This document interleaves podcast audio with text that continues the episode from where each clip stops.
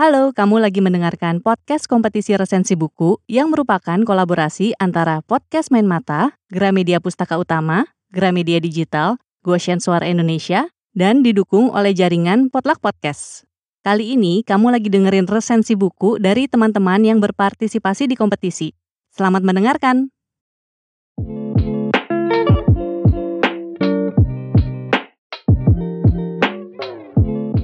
Semuanya, perkenalkan nama saya Indah. Saya adalah seorang podcaster di Katanya Podcast.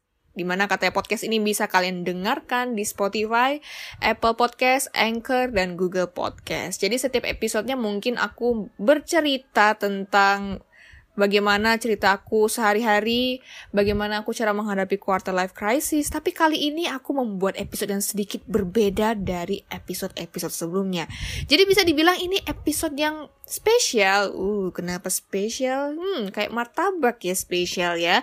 Nah, episode ini aku buat khusus dalam rangka mengikuti kompetisi podcast resensi buku Gramedia Pustaka Utama. Yeay! Lomba ini merupakan bentuk kolaborasi dari podcast Main Mata, Gramedia Pustaka Utama, dan Goshen Suara Indonesia.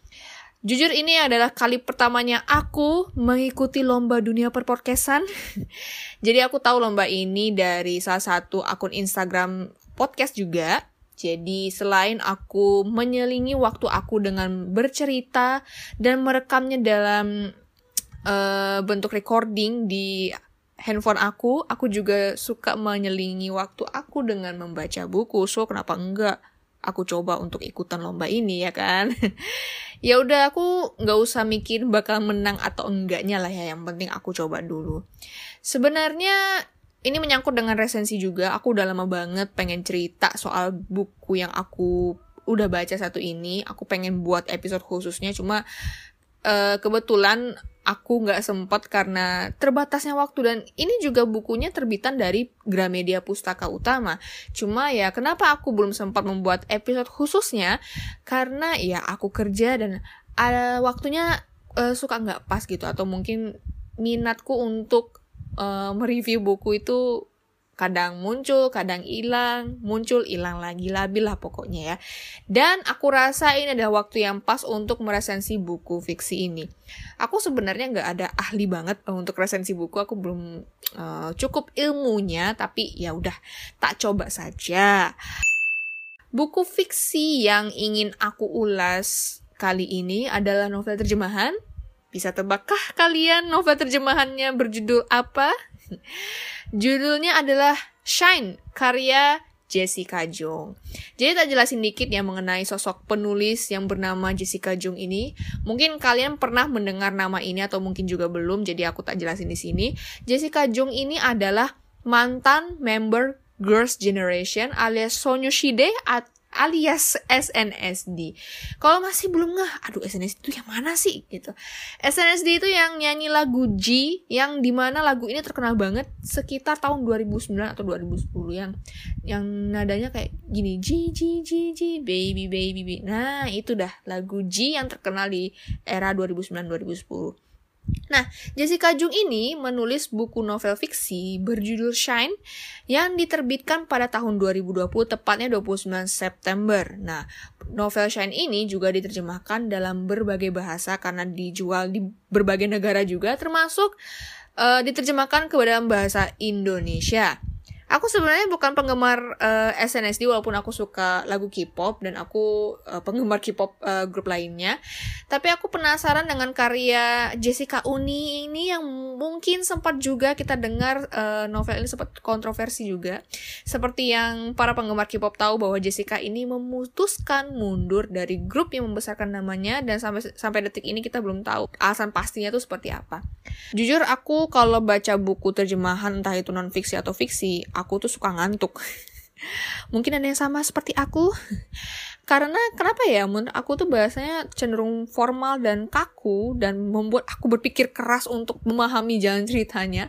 Dan yang pastinya sangat berbeda dengan uh, bahasa novel fiksi penulis Indonesia pada umumnya.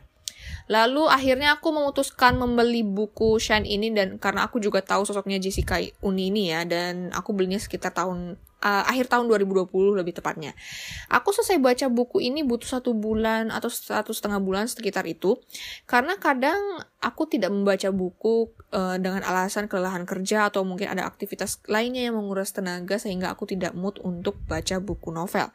Novel ini memiliki tebal halaman 360 halaman dan di halaman depannya ada tanda tangan Jessica Uni. Awalnya aku pikir tanda tangannya ini tanda tangan asli dari pulpen ya, pulpennya uh, Jessica Uni, tapi setelah dipikir-pikir setelah dilihat ini print-printan dan kalau dipikir-pikir juga ya nggak mungkin ya satu juta buku misalnya harus ditandatangani. Gempor tangannya uh, Jessica Uni.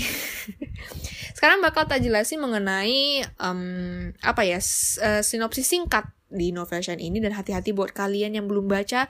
Mungkin tidak nyaman dengan spoiler, hati-hati ya. Kalian bisa skip episode ini, tapi kalau kalian masih tetap ingin dengerin, monggo. Aku bakal tetap jelasin sinopsis singkat dari novel Shen ini. Nah, novel Shen ini menceritakan seorang gadis keturunan Korea Amerika yang menjadi trainee salah satu agensi ternama Korea Selatan yaitu DB Entertainment bernama Rachel Kim. Rachel ini harus menjalani training selama 7 tahun untuk menjadi seorang idol K-pop. Banyak hal yang dikorbankan Rachel untuk meraih mimpinya mulai dari kepindahannya ke Korea dari Amerika, berlatih 24 jam sehari dan 7 hari seminggu, tampil sempurna di depan kamera, dan mencoba keras untuk menghindari skandal.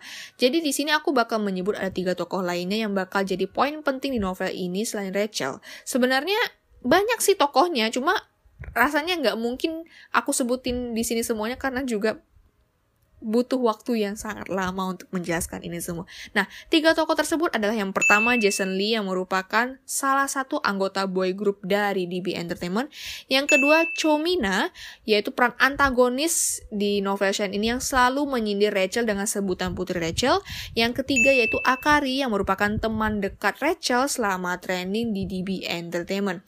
Oke, itu tiga tokoh yang udah tak jelasin sedikit perannya di novel ini ya. Semoga kalian dapet uh, peran yang mereka perankan di novel Shine ini. Sekarang aku bakal membagikan pendapat aku tentang novel Shine ini. Secara jalan ceritanya ada beberapa hal yang membuat aku membuka mata tentang dibalik kesuksesan idol K-pop itu sendiri. Mungkin yang kita lihat adalah sisi enaknya aja yang menjadi idol. Tapi kita suka tutup mata atau mungkin kita lupa bahwa dibalik kesuksesan itu ada banyak hal yang harus dikorbankan. Ada sisi gelap yang harus mereka tempuh sampai akhirnya mereka debut menjadi idol K-pop. Nah, Jessica Un ini pernah bilang bahwa kisah yang dia tulis di novel Shine ini terinspirasi dari kisah perjalanan hidupnya selama ia menjadi trainee K-pop. Walaupun novel ini tidak dikatakan sebagai autobiografi. Nah, for your information, autobiografi ini adalah kisah seorang tokoh yang ditulis oleh orang itu sendiri. Jadi ini terinspirasi aja nih, gengs.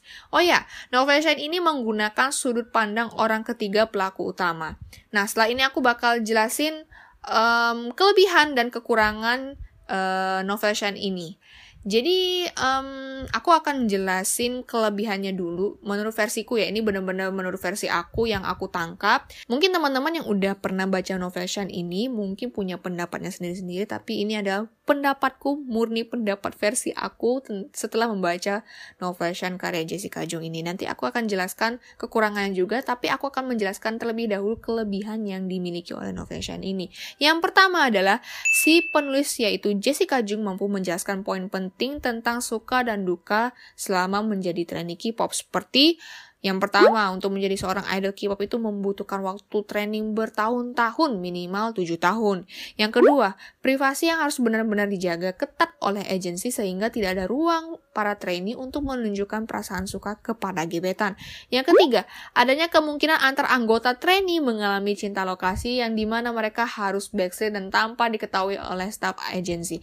Karena ya, kalau misalkan staff agensi tahu mereka backstreet, hmm, siap-siap di depan dari agensi. Yang keempat, berat badan juga harus dijaga demi penampilan yang sempurna. Nah, kalau naik berat badan dikit aja, itu urusannya bakal repot, Shay. yang kelima, adanya persaingan antar anggota dalam sebuah grup. Yang keenam, adanya kepalsuan di balik kompaknya sebuah grup. Yang ketujuh, haters yang bukan main kalau soal ngehit siapa pun yang dekat dengan idolanya. Dan yang terakhir, rasisme yang dihadapi padahal satu rumpun. Nah, kalau untuk haters ini sebenarnya ya pasti semua grup idol K-pop ada ya haters. Dan untuk rasisme sendiri ini dijelaskan juga bahwa konflik yang dihadapi Mina dan Rachel ini juga menyangkut rasisme di mana rasisme ini pada satu rumpun loh tapi tetap aja ada bakal ada rasisme di sini. Aku nggak bilang semua grup K-pop ini mengalami hal seperti ini ya. Mungkin yang dijelaskan oleh si penulis ini adalah yang paling sering terjadi di dunia K-pop. Kita nggak tahu ya, ada beberapa masalah di balik besarnya nama grup K-pop itu sendiri. Yang kedua, secara pribadi aku menikmati alur ceritanya walaupun aku ngerasa ngantuk karena perlu memahami keras pada novel terjemahan dan dapat banget ketika aku membaca bagian uh, konflik dari Mina dan Rachel. So, ada kelebihan pasti ada kekurangan. Jadi aku e, merangkum kekurangan yang dimiliki novel Shine ini versi aku ya. Jadi kekurangan yang pertama adalah ada beberapa cerita yang ngegantung alias nggak dijelasin sama penulis ini sampai selesai. Seperti contohnya sikap Jason yang mendadak berubah dan bagaimana nasibnya setelah Rachel Kim berhasil debut dengan grup K-popnya. Lalu teman satu agensinya Rachel, teman satu trainee teman berjuangnya yaitu Akari, ini tidak dijelaskan penyebab uh, pindahnya dia ke agensi lain padahal sama sekali belum debut di agensi itu. Jadi Akari sama Rachel ini kan sama-sama teman berjuangnya di trainee uh, DB Entertainment, tetapi di bagian akhir Akari tidak dijelaskan mengapa dia pindah dari uh, DB Entertainment. Dan di sini juga uh, akan ada dijelaskan bahwa Rachel dan Akari ini sempat renggang hubungannya karena komunikasi yang kurang itu aku masih penasaran banget penyebabnya itu kenapa kenapa dan kenapa. Sampai sekarang aku ingin bertanya-tanya pada Jessica Uni kenapa ini tidak dijelaskan sampai selesai? Gitu bikin aku tuh, tuh kepikiran gitu loh. Walaupun aku udah baca sampai terakhir tetap saja tidak dijelaskan sampai selesai untuk kedua uh, cerita itu ya. Lalu yang kedua Penulis menggunakan nama grup debut Rachel yang mudah ketebak, yaitu Girls Forever. Ini ngingetin aku sama grupnya Jessica dulu, yaitu Girls Generation. Seperti yang aku sempat jelasin sebelumnya ya, bahwa Jessica ini kan dulu uh, mantan member Girls Generation, dan sampai sekarang kita belum tahu alasannya apa, penyebab keluarnya apa, dan bisa dibilang keluarnya secara nggak baik-baik aja. Nah, gara-gara ini, imajinasi aku nih liar nih sampai ke pertanyaan, apakah si penulis ini berusaha menjelaskan alasan mengapa dia keluar dari grup, meskipun dia bilang ini adalah cerita fiksi yang terinspirasi aja? Hmm, kita nggak pernah tahu ya di balik itu semua. Jadi itu tadi cerita aku mengenai resensi tentang novel Shine karya Jessica Jung. Semoga kalian dapat memahami dan mendapatkan poin pentingnya. Dan mudah-mudahan episode ini nggak bikin kalian ngantuk ya. Kalau ditanya apakah buku ini rekomend untuk dibaca? Jawabannya rekomend, apalagi bagi kalian yang mempunyai cita-cita untuk menjadi seorang idol K-pop. Mudah-mudahan kalian masih bisa beli bukunya di toko buku Gramedia di kota kamu. Mohon maaf kalau ada salah-salah kata, jangan lupa follow Instagram pribadi aku at Indah. Sekian episode kali ini, sampai jumpa di lain kesempatan. Terima kasih.